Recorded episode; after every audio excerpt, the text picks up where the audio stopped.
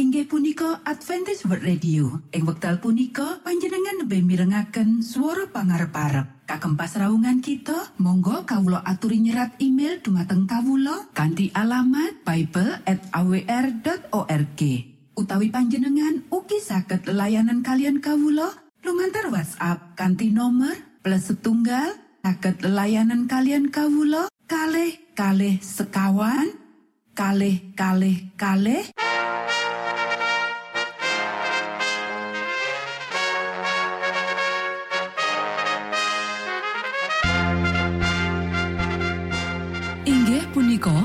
Adventist World Radio ingkang giaran kanti basa Jawi.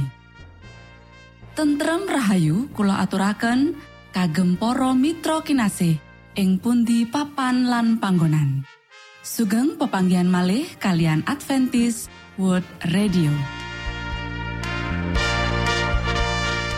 Kanti bingahing manah Kulo badi sesarengan kalian poro Mitra kinasih lumantar saperangan adicara ingkang sampun rinonci mligi kagem panjenengan sami.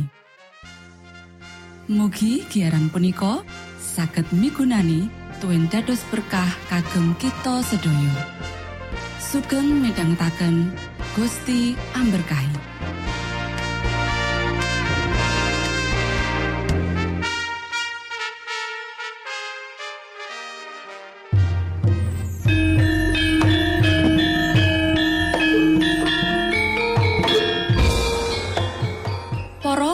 Pamirsa kinasih ing Gusti Yesus Kristus. Ing wekdal punika kita badhe sesarengan ing adicara ruang kesehatan. Ingkang saestu migunani kagem panjenengan saha kita sami. Tips utawi pitedah ingkang dipun aturaken ing program punika tetales dawuhipun Gusti ingkang dipunnyatakaken ing kitab suci. Semanten ugi sakehing seratan ingkang dipun wangsitaken dening Gusti Allah. Nanging saderengipun monggo kita sami midhangetaken kidung pujian.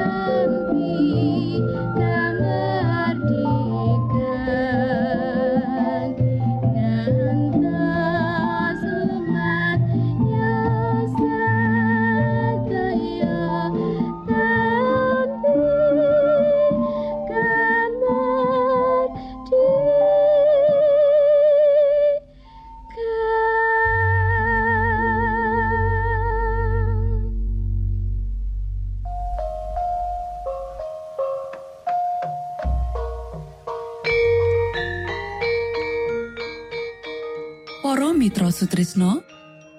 Puji syukur dumateng Gusti ingkang murbeng dumati ingkang sampun kepareng paring wewenngan kagem kita. Satemah saged nglajengaken ruang kesehatan. Pirembakan kita semangke kanthi irah-irahan. Sesambungan pakulinan karo panyucen.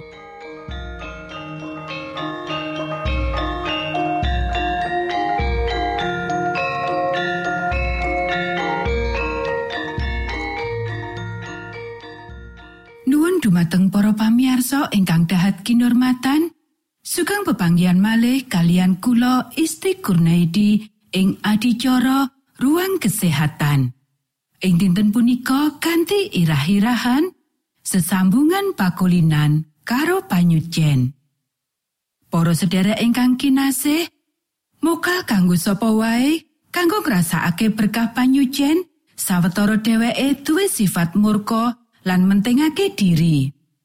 Wong-wong kaya iki grundel ing sajroning momotan karingkihan amarga pakulinan-pakulinan salah sakjroning bab mangan lan ngombe sing ita-ita angger-angger alam lan kesehatan.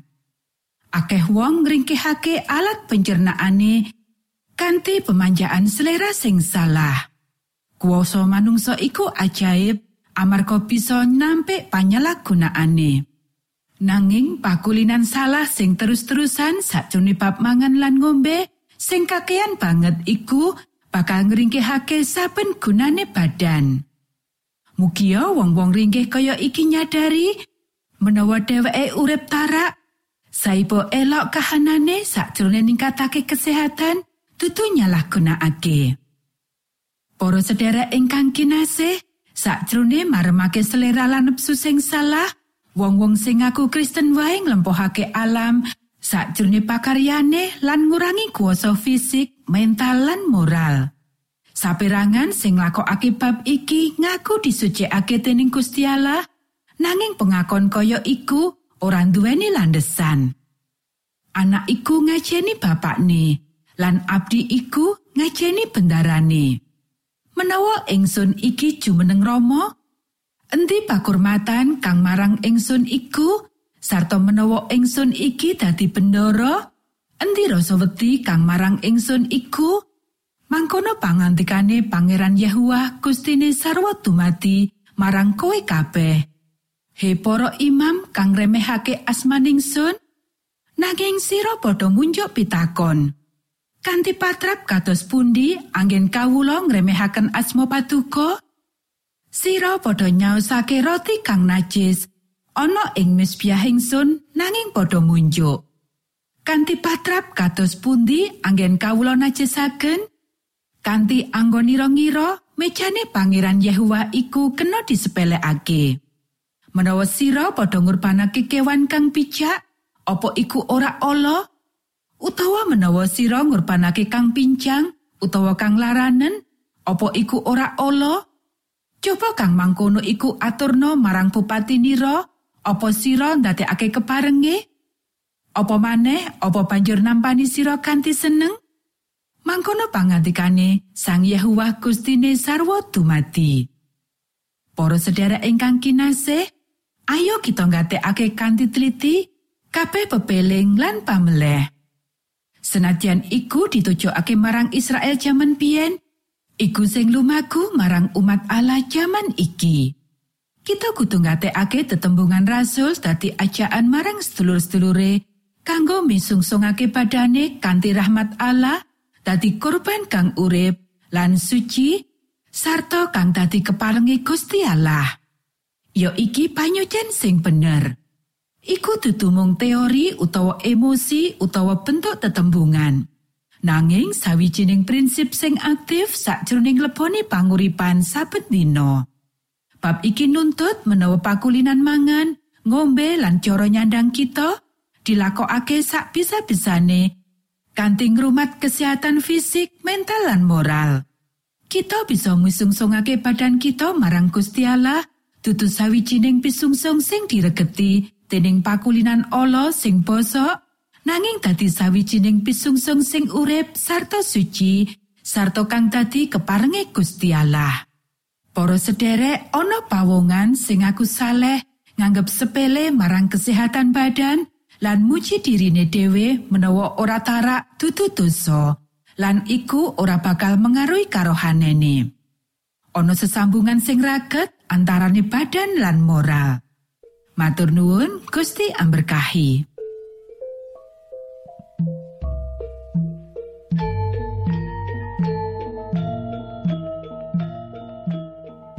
Cekap semanten pimbakan ruang kesehatan ing episode dinten punika. Ugi sampun kuatos jalaran kita badhe pinanggih malih ing episode sak lajengipun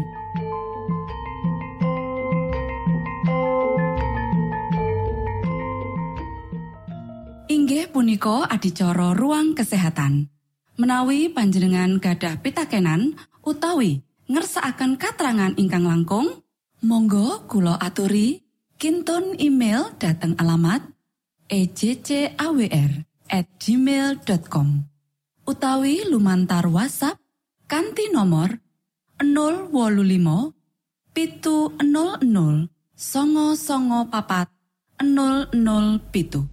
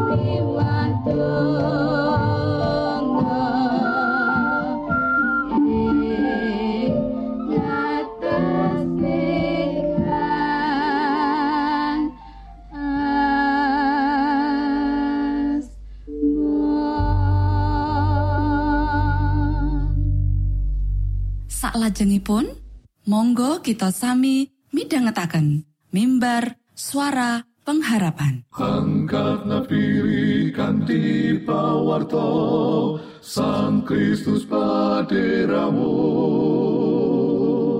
Pro umat samyo puji asmanyo Sang Kristus paderamu. Inggih punika mimbar suara pengharapan. Ing episode punika kanthi irah-irahan. Awit langgeng se kadarmane. sugeng midhangetaken. Tondo Sang Kristus paderamu ilmu kawero tambah tambah. Sang Kristus paderamu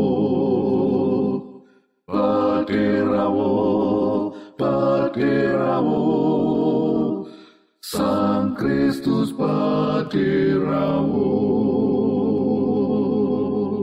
Shalom para sedherek ingkang kinasih wonten ing Gusti. Sakmenika kita badhe mitangetaken renungan Sabto pangantikanipun Gusti. Ing dinten punika kanthi irah-irahan awet langgeng se kadarmane. Para sedherek ingkang kinasih, ayo diwaca kitab Sabur pasal 136 ayat siji nganti 15. Podho saoso puji marang Pangeran Yahua Sabab panjenengane iku becik, awit langgeng se kadarmane. Podho saosa puji marang alai para Allah, awit langgeng se kadarmane.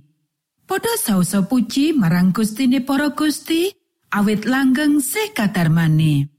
Marang panjenengane kang nindakake kaelokan gedhe piyambakan, awit langgeng se kadarmane.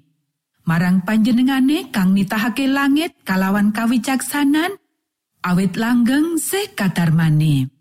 Marang panjenengane kan jereng bumi kadasaran banyu, awit langgeng se kadarmane. Marang panjenengane kang nitahake barang-barang kang madangi kang gedhe ing langit, awit langgeng se kadarmane. Srengenge kang mengkuraino, awit langgeng se kadarmane. Sarta rembulan lan lintang-lintang kang mengku ing wayah bengi, awit langgeng se kadarmane. kang mejahi para pembarepe wong Mesir awit langgeng se kadarmane. Lan ngirit Israel metu saka ing satengahe awit langgeng se kadarmane. Sarana asto kang rusa lan kalawan ngayatake lengene awit langgeng se kadarmane. Segara tebrau dipiyak dadi loro awit langgeng se kadarmane. Lan nyabrangake Israel metu ing tengahe awit langgeng se kadarmane. Sang pringon sawadya balane dikelemake ana ing segara teberau awit langgeng se kadarmane. Para sederek ingkang kinasih, Sabur pasal 136 nimbali umat Gusti Allah kanggo memuji Gusti Allah amarga se kadarmane kaya sing dicethakake ana ing tumita. Kita bisa maca ing kitab Sabur pasal 136 ayat papat nganti songo lan ing sejarah bangsa Israel. Kitab Sabur pasal 136 ayat 10 nganti rurikur. Sesusetyo ing basa Ibrani keset katresnan kang teguh njlentrehake kabecikan lan kasetiane Gusti Allah marang sakabeng tumitah lan prajanjane marang Israel. Mazmur iki nuduhake yen kasantosan lan kaelokane Gusti Allah kang tapi ada dasar katresnane sing terus-terusan. Sang Yahua Allah minangka Allah para Allah lan Gustine para Gusti. Kang minangka pratelan Ibrani kang ateges Gusti Allah kang moho agung. Kita bisa maca ing Sabur pasal 136 ayat siji nganti telu. Iki dudu ateges ana Gusti Allah liya ananging mung panjenengane Gusti Allah. Kaeloan gedhe Gusti Allah kang ora bisa ditiru dening sapa wae minangka bukti panguasane kang ora bisa diselaki. Sabur pasal 136 ayat papat. Gusti Allah kang nitahake langit, bumi lan samubarang kang ana ing langit, kang disembah dening wong-wong kafir.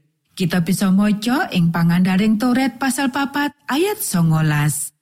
Nanging Mazmur iki nguculi para dewane wong kafir awit saben sumber kapercayan lan panguasane ada dasar manungsa saka wewenange. Para dewa pagan kuwi amung gaweane manungsa dhewe. Kuwi amung barang-barang gawean. Tutu sang pangripta sawijining pambeda kang gedhe banget.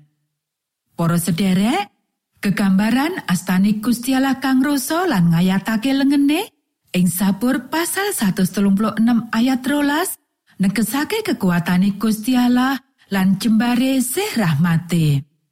Kamirahani Gusti Allah ing sajroning titah lan sejarah kutu menehi inspirasi marang umate supaya percaya lan tetep setya marang prajanjene. Para sederek, Pratelan awit langgeng sih kadarmane wis kaping 6 diambali ing Mazmur iki. Kanti mangkono bisa nuhake keyakinan marang para panembah yen Gusti Allah kuwi ora nate owah gingsir lan bakal ngambali kanikmatan ing mangsa biyen marang saben generasi kang anyar. Gusti Allah tansah ngingeti para umate ing sabur pasal 136 ayat 13 lan tansah susetyo ing janji sih kadarmane. Kapercayan marang kamirahane Gusti Allah kang langgeng minangka inti saka iman Alkitabiah sing kalebu panembahan lan kapercayan sing nyenengake sarta pamituhu lan pamratobat. Para sederek, Kitab Sabur pasal 136 katutup dening pangreksan universal Gusti Allah piyambak marang jagat iki. Sewelase Gusti Allah diparingake ora mung kanggo Israel nanging uga kanggo marang sakabehing titah. Mazmur iki kanthi mangkono ngendika bab universalitas peparing kawilujengan Gusti Allah lan jaluk supaya jagat kabeh melu memuji Gusti Allah. Lukas pasal loro ayat 10, Yohanan pasal telu ayat 16, lan lelakoni para rasul pasal 15 ayat pitulas. Matur nuwun, Gusti amberkahi.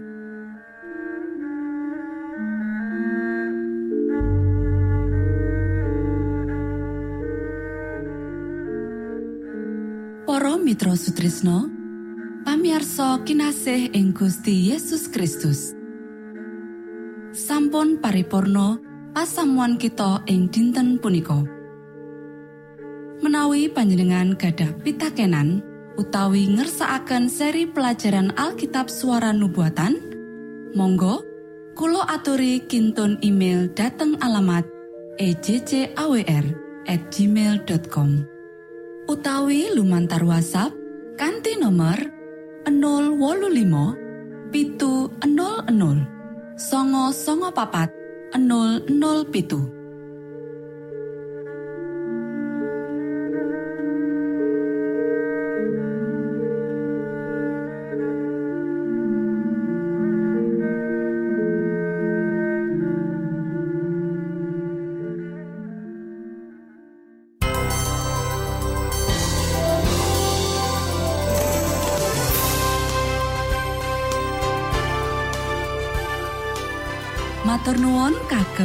kagem wektalipun kita badhe pinanggih malih ing gelombang ugi wekdal ingkang sami.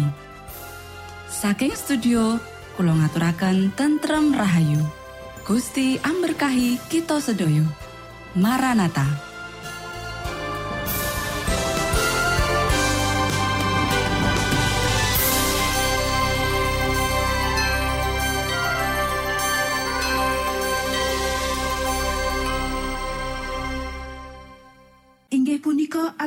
World Radio. Ing wekdal punika panjenengan lebih mirengaken suara pangarep-arep. Kagem pasraungan kita, monggo kawulo aturi nyerat email dumateng kawulo kanti alamat bible at awr.org.